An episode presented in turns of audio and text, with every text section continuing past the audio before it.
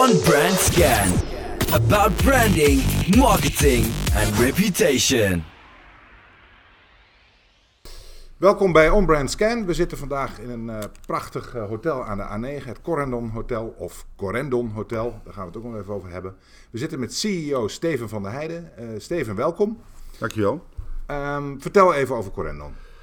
Nou, Corendon is een primair een reisorganisatie, een aanbieder van uh, zonvakanties, pakketreizen zoals wij dat noemen.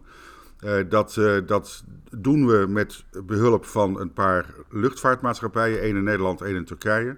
Totaal zo'n 25 vliegtuigen, waarvan een stuk of 5 in Nederland en 20 in Turkije. En we hebben de afgelopen jaren ook steeds meer geïnvesteerd in hotels. Want uiteindelijk gaat het natuurlijk bij vakanties om de hotelbeleving. En die hebben we in, hier, in de omgeving van Amsterdam, twee stuks. Waaronder de uh, Village Hotel, het grootste hotel van de Benelux. Een aantal hotels in Turkije, op Ibiza en ook twee op Curaçao. Groot bedrijf dus. Mag Groot bedrijf, bijna ja. 2000 mensen inmiddels wereldwijd. Waarvan zo'n 600, 700 in Nederland. Ja, ik denk ook een bedrijf met een hele grote naams- en merkbekendheid. Want ik denk dat eigenlijk iedereen het wel kent. Ja, dat is heel belangrijk. Uh, merk, merkbekendheid, uh, naamsbekendheid is een belangrijke factor bij het boeken van een vakantie. Ja, dat kan ik me voorstellen. Nou, daar gaan we het straks ook nog over hebben. Um, de aanleiding dat je hier zit is dat er iets heel opmerkelijks is gebeurd. Dat moet ik heel even inleiden. Op Marketing Facts verscheen een brief van, ja, ik, ik ken hem niet, maar van een, een merkspecialist of zoiets, of een, of een communicatiespecialist. En jij reageerde daarop. Uh, en dat was een, een reactie uh, die uh, werd ook erg goed ontvangen. het sentiment daarover was buitengewoon positief. Um, maar wat ik toch wel even wil weten. doe je dat spontaan? heb je daar hulp bij? hoe werkt zoiets? Hoe, hoe, gaat het? Want je ziet het namelijk niet zo vaak dat een CEO reageert op dat soort stukjes. Nee, nou, ik heb dat inderdaad spontaan gedaan. ik heb vaak de aandrang, maar zelden de tijd om het te doen. Maar nu kwam dit bericht, dit, deze post kwam voorbij op uh, vrijdag, in het begin van de middag geloof ik. En uh, ik zat uh, thuis te werken aan een aantal dossiers en er was een afspraak uitgevallen. En toen dacht ik van nou, laat ik eens in de pen klimmen en een reactie schrijven. En dat doe ik graag, schrijven overigens. dus ja, dan op een gegeven moment komt er een tekst uit en die vloeit als het ware vanzelf uit je pen. En ja, binnen een paar uur stond hij online als reactie daarop. Ik heb vaak de neiging, maar zelden de tijd, zoals ik al zei. Maar ik, ik heb wel vaak een mening. Ik vind ook wel vaak dat, dat, dat mensen heel makkelijk eh, ten koste van bekende merken eh, hun eigen mening eh, willen uiten. En daarbij in feite gewoon een beetje misbruik maken van de bekendheid en de reputatie van de organisatie of het merk wat ze, wat ze onder vuur nemen. En als het dan ook nog onterecht is, als er dan ook nog dingen worden gezegd die absoluut niet kloppen, dan gaat mijn gevoel van, van onrecht speelt op. En dan, ja, dan kan het wel eens zijn dat ik op die manier reageer. Ja, en dat is nou uh, ja, ook wel. Uh, ik wil beginnen met, met een. De on-brand scan begint altijd met een stelling. Uh, de stelling die ik met jou even wil bespreken is: CEO's moeten standpunten in durven nemen op. Ja, ik heb het dus haak gezegd, maatschappelijke issues. Zou dat meer moeten gebeuren dat CEO's standpunten innemen? Dat ze hun mening niet alleen voor zich houden, maar dat wij dus duidelijk, ja, dat CEO's herkenbaarder worden en dat we weten waar ze voor staan. En dat we dus ook weten waar het bedrijf voor staat. Ja, dat vind ik wel, maar dat stelt dan wel hoge eisen aan integriteit uh, van, uh, van de, de leiders in, dat bedrijfsleven. Uh, maar ik, ik vind dat ook om een bepaalde reden. We hebben het net weer gezien bij de verkiezingen voor de provinciale staten. het volk kiest op basis van populisme. wie het hard schreeuwt en wie de meest sappige meningen heeft, die wordt gevolgd. We zien dat inmiddels partijen die nog nauwelijks bestaan, nog nauwelijks bestaansrechten hebben getoond, opeens de grootste partij worden. En als het dus in de politiek op die manier uh, heen en weer gaat en ook betekent uh, dat je in één klap heel groot en in, in, de tweede klap weer heel klein kunt worden, als dat gebeurt in de maatschappij, dan denk ik dat andere uh, organisaties, andere delen van de samenleving misschien de maatschappelijke discussie meer zouden moeten beïnvloeden, daar meer verantwoordelijkheid vooral ook zou moeten dragen. Zouden moeten dragen in plaats van met de vinger naar de overheid en naar de politiek te wijzen. En ik denk dat dat met name ook heel zichtbaar is in bijvoorbeeld de klimaatdiscussie. waarin, en dat, nou, ik realiseer me dat ik als reisorganisatie daar natuurlijk gevaarlijk terrein betreed. Maar ik vind absoluut dat, dat het bedrijfsleven en ook de reiswereld en de luchtvaartwereld daar hun verantwoordelijkheid in zullen moeten nemen. Dus ik, ja, ik onderstreep die, die stelling. Die, gaan, die, die heb ik hier ook nog even opgeschreven. Wil ik het zo ook heel even met je over hebben.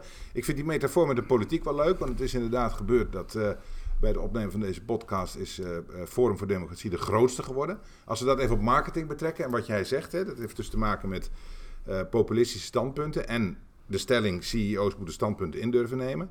als ik even die vergelijking maak, maar is het dan niet zo dat er twee mensen waren die inderdaad heel duidelijk stelling namen, namelijk Klaver en, en Baudet. En dat door die hele coalitie, uh, dat, daar, dat daar zoveel uh, geen mening meer is, dat het één grote drek is van, ja, een beetje, ja, doe het maar, een beetje uh, opportunisme is geworden. En dat het daardoor ook zo gaat? Nou ja, kijk, het, het is niet verwonderlijk dat juist de twee wat meer uiterste in het politieke spectrum de aandacht krijgen. Omdat dat natuurlijk de flanken zijn waarop je duidelijk stelling kunt nemen. Kijk, de nuance is weg in de politiek. Uh, dat betekent dat de middenpartijen de grootste klappen krijgen. Dat betekent dat, dat wij in een, in een coalitiemodel het steeds lastiger zullen gaan uh, zien worden uh, om coalities te vormen. En dat betekent dat partijen als, als VVD, CDA, D66, die toch dat genuanceerde samenwerkende midden opzoeken, eigenlijk geen stem meer hebben. Dat willen mensen niet horen. En juist die nuance, denk ik, is belangrijk voor de kwaliteit van de, van de, en de voorspelbaarheid van, van politiek en samenleving. en ja, dat, het baart mij wel grote zorgen dat dat, dat, dat, dat, steeds meer verdwijnt. En ja, aan de linkerkant, de GroenLinks-kant, daar kan je ook nog stevig stelling uh, innemen. Maar dat is, vind ik, niet populistisch. Dat is wel veel meer uh, het nemen van je verantwoordelijkheid. Ja, en als je die dan even weer naar de stelling en naar de. Nou, laat ik het mij voor het onderscheid. Dan kom ik even weer op de, uh, op de vliegmarkt, op de reismarkt.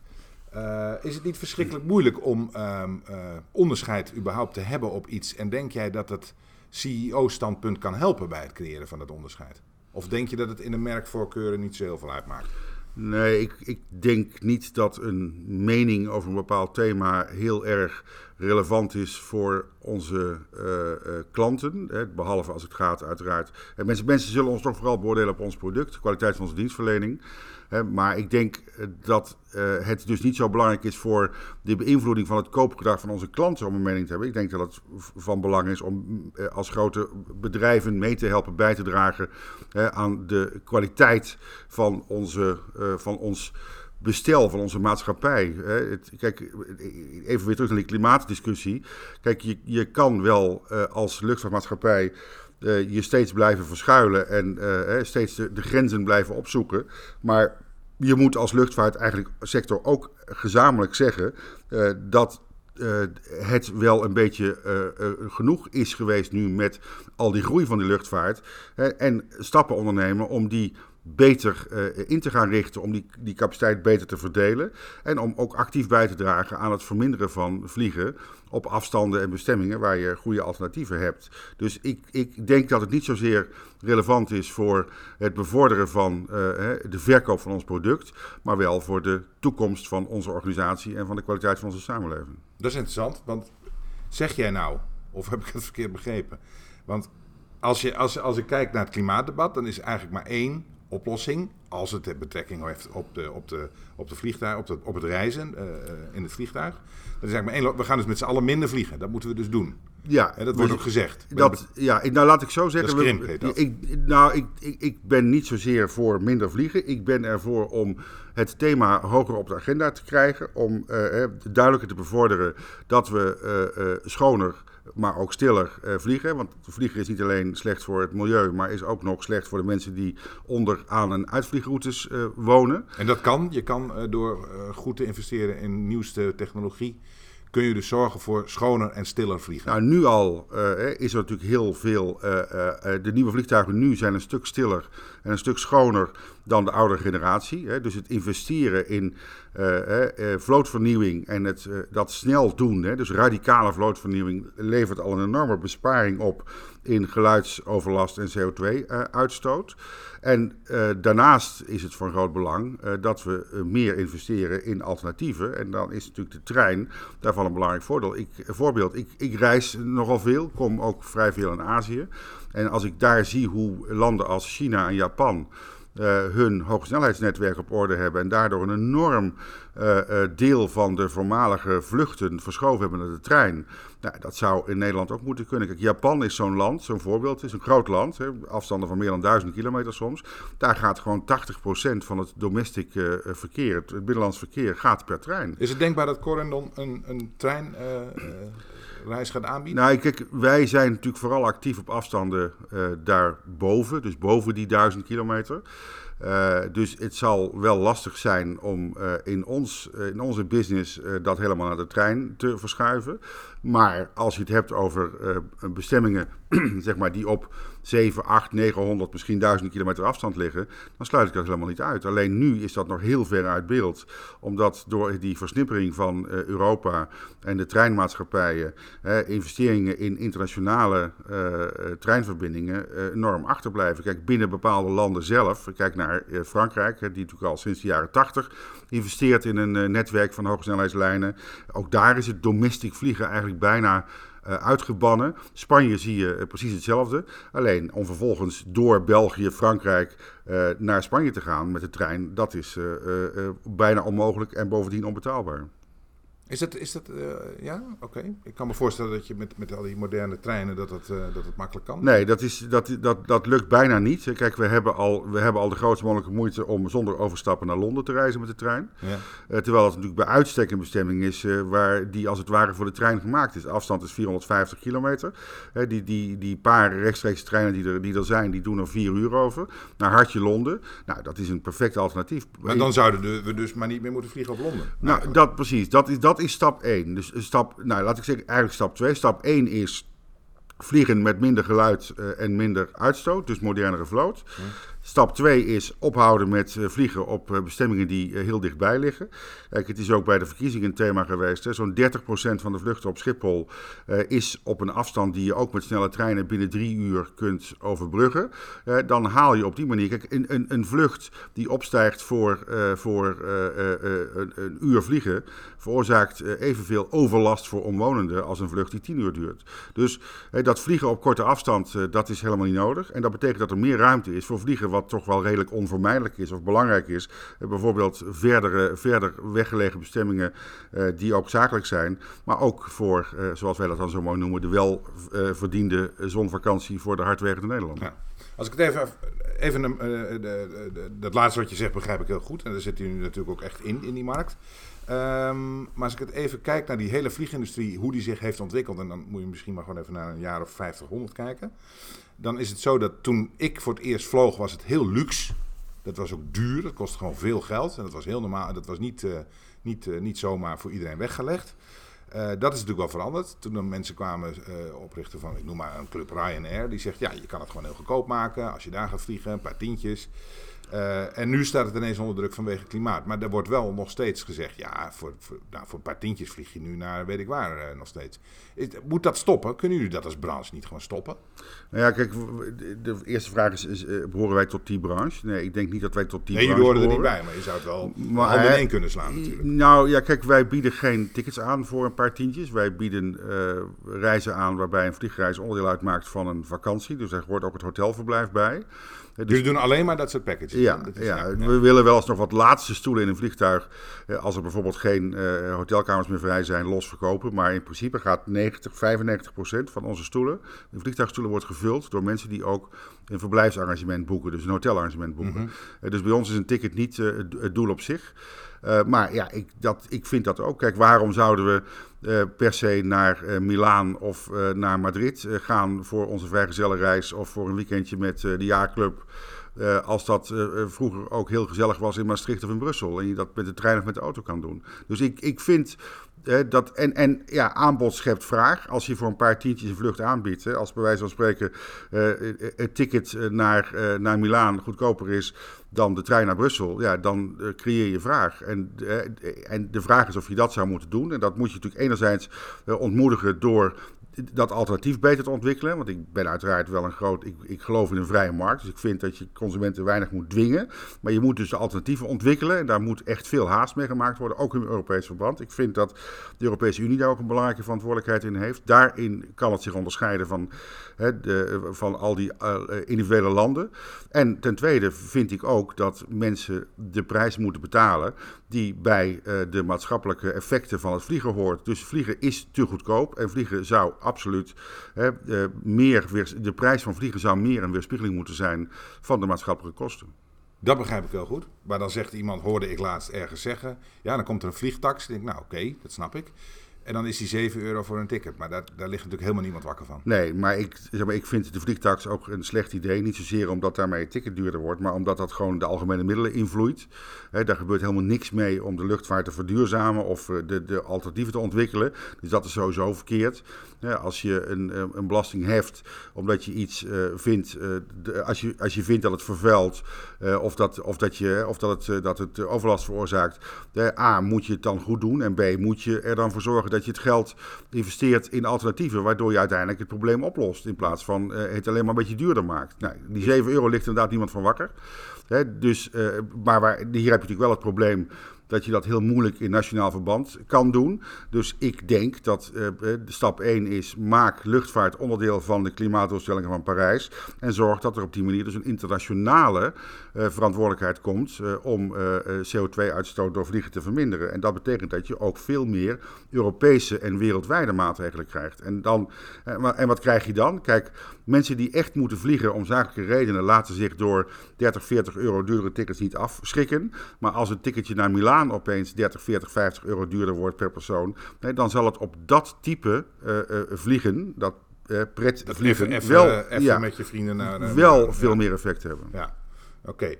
Um, even door naar de, um, een heel ander onderwerp, maar voor IPAN toch ook wel even heel relevant. Hoe zit het nu met de boekingsindustrie? Gewoon even de tickets.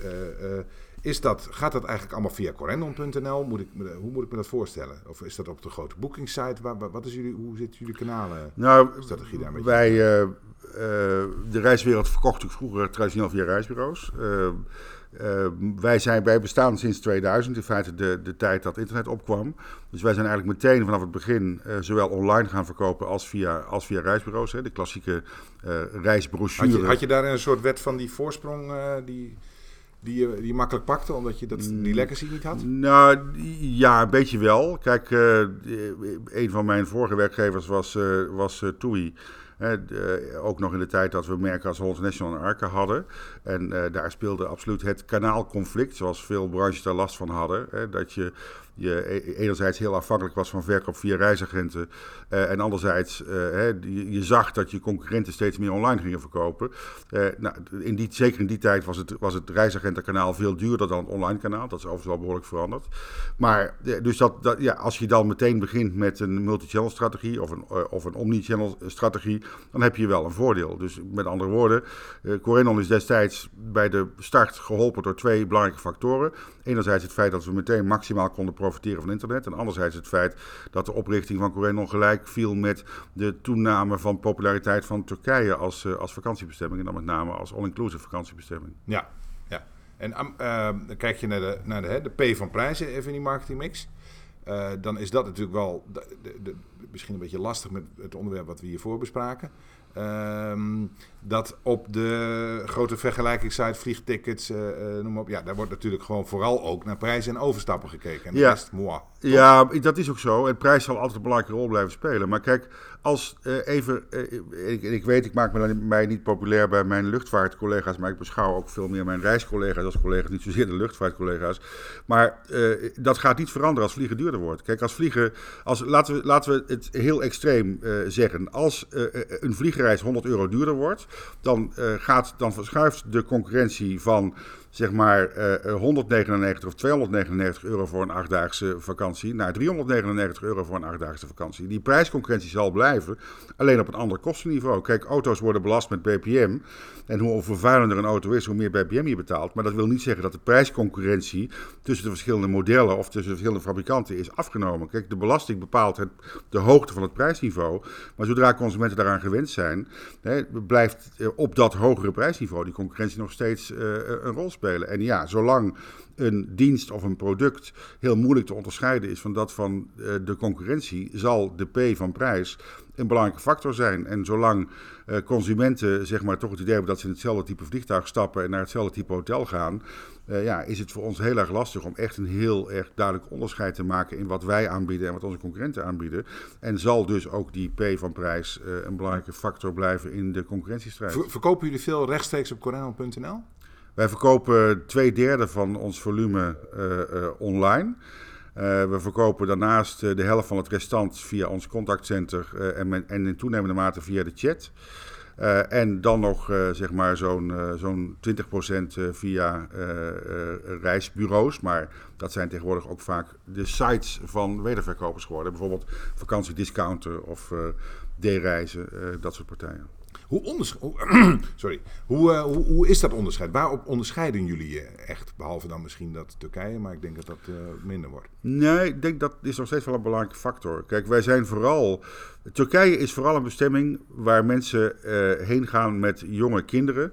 Uh, omdat in die grote all-inclusive hotels daar zowel de kinderen als de ouders een uh, redelijk zorgeloze vakantie hebben. En, dat, en, dat, dat, dat, en daarin is Turkije nog steeds ongeëvenaard. En wij zoeken dat soort type producten ook op in andere landen. Dus wij zijn een echte all-inclusive specialist.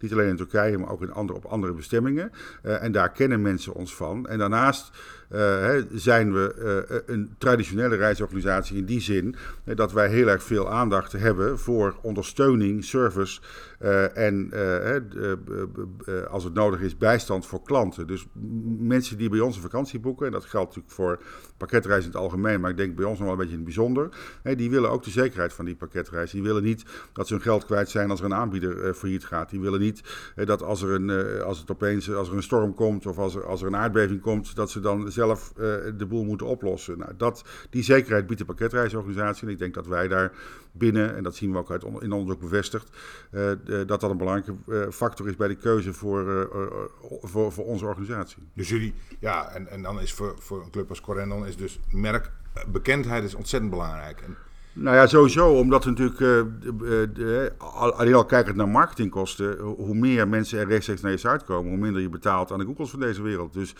de organische bezoek aan de website is, is een hele belangrijke factor.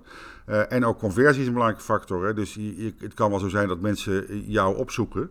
Maar als ze niet boeken, dan heb je nog steeds een probleem. Dan betaal je nog steeds heel veel. Heb je een hoge ratio op de, op, de, op de eigen site? Nou, naarmate, de, naarmate de, uh, de, het marktaandeel op de bestemmingen waar mensen naar zoeken uh, hoger is, is per definitie de conversie hoger en zijn dus de kosten lager. En tegenwoordig is in de reiswereld de conversie. Uh, een van de belangrijkste uh, factoren die uh, de kosten van je distributie bepaalt. Kijk, vroeger was dat, had dat te maken met de onderhandelingen over de commissies die je betaalde aan reisbureaus. Tegenwoordig is dat vooral de, de kosten van je kliks, de kosten van je conversie, de hoogte van je conversie die dat bepalen. En die bepalen ook voor een belangrijk deel je prijsniveau. En, en jullie adverteren volgens mij in budget zeker nog het meest op televisie, of niet? Of nee, wij in budget is online by far uh, de grootste. Dus kun je oh, nagaan, als je denkt dat dat tv ja. of, of, print is, hoeveel wij online uitgeven. Je ziet zoveel voorbij komen, dat zal het wel zijn. Nee, maar de, kijk, de, de, de, traditionelere media, zoals tv en, en print, zijn natuurlijk heel veel goedkoper geworden in de afgelopen jaren. Het bereik is minder. Uh, maar als jij dus nog traditioneel uh, in lijn televisie kijkt en, uh, en kranten leest, dan kom je ons heel vaak tegen. Wij, zijn ook nog, wij, heel, wij kiezen heel bewust uh, voor zichtbaarheid. Uh, ook voor mensen die niet per definitie onze klant zijn. Het probleem van online marketing is toch dat je vooral je, je merk zichtbaar maakt voor klanten die in jouw product geïnteresseerd zijn. Terwijl je natuurlijk bij buitenreclame, bij print en bij tv, hè, dat is natuurlijk in, dat, dat is iets meer zeg maar, met hagel schieten. Maar dat betekent wel dat je merk ook meer bekend is en top of mind is bij uh, klanten die, nog, die je nog niet hebt, maar die wel potentieel interessant voor ja, je kunnen zijn. Ja. Ja, dat kan ik als marketeer ook alleen maar beamen, dat het allebei gewoon heel belangrijk is. Ehm, ik wil naar de afsluiting, ehm, want het is alweer tijd. Uh, de, ja, de, de, de volgende gast in, uh, in de On-Brand Scan podcast is een oude bekende, denk ik, Frank Volmer. Ja. Uh, van de Ster inmiddels, directeur. en ik wil graag aan jou vragen, heb jij een vraag of een opmerking voor Frank... waarmee de volgende podcast zouden kunnen beginnen? Ja, ik ken Frank uit de tijd dat hij bij TMG, bij Telegraafgroep, zat. Uh, toen kwam ik hem regelmatig tegen bij allerlei events die TMG organiseerde. En ook uh, op reiscongressen in het buitenland. en ja, ik vind het interessant. Met name ook zijn huidige positie, de ster. ik wist het niet, maar ik heb het even nagevraagd. Ik begrijp dat de ster goed is voor nog maar een kwart van de totale financiering van de publieke omroep. Uh, en ik denk dat je je moet afvragen of het niet veel duidelijker zou zijn uh, als wij uh, die ster zouden afschaffen. Als we als overheid de verantwoordelijkheid zouden nemen dat als we publieke omroep willen, dat we dat gewoon echt volledig betalen uit belastinggelden. En dat we ons dan ook kunnen richten op die dingen die we als maatschappij belangrijk vinden. En uh, hè, ik kan me voorstellen dat hij daar als een ster voor zijn organisatie een andere mening over heeft.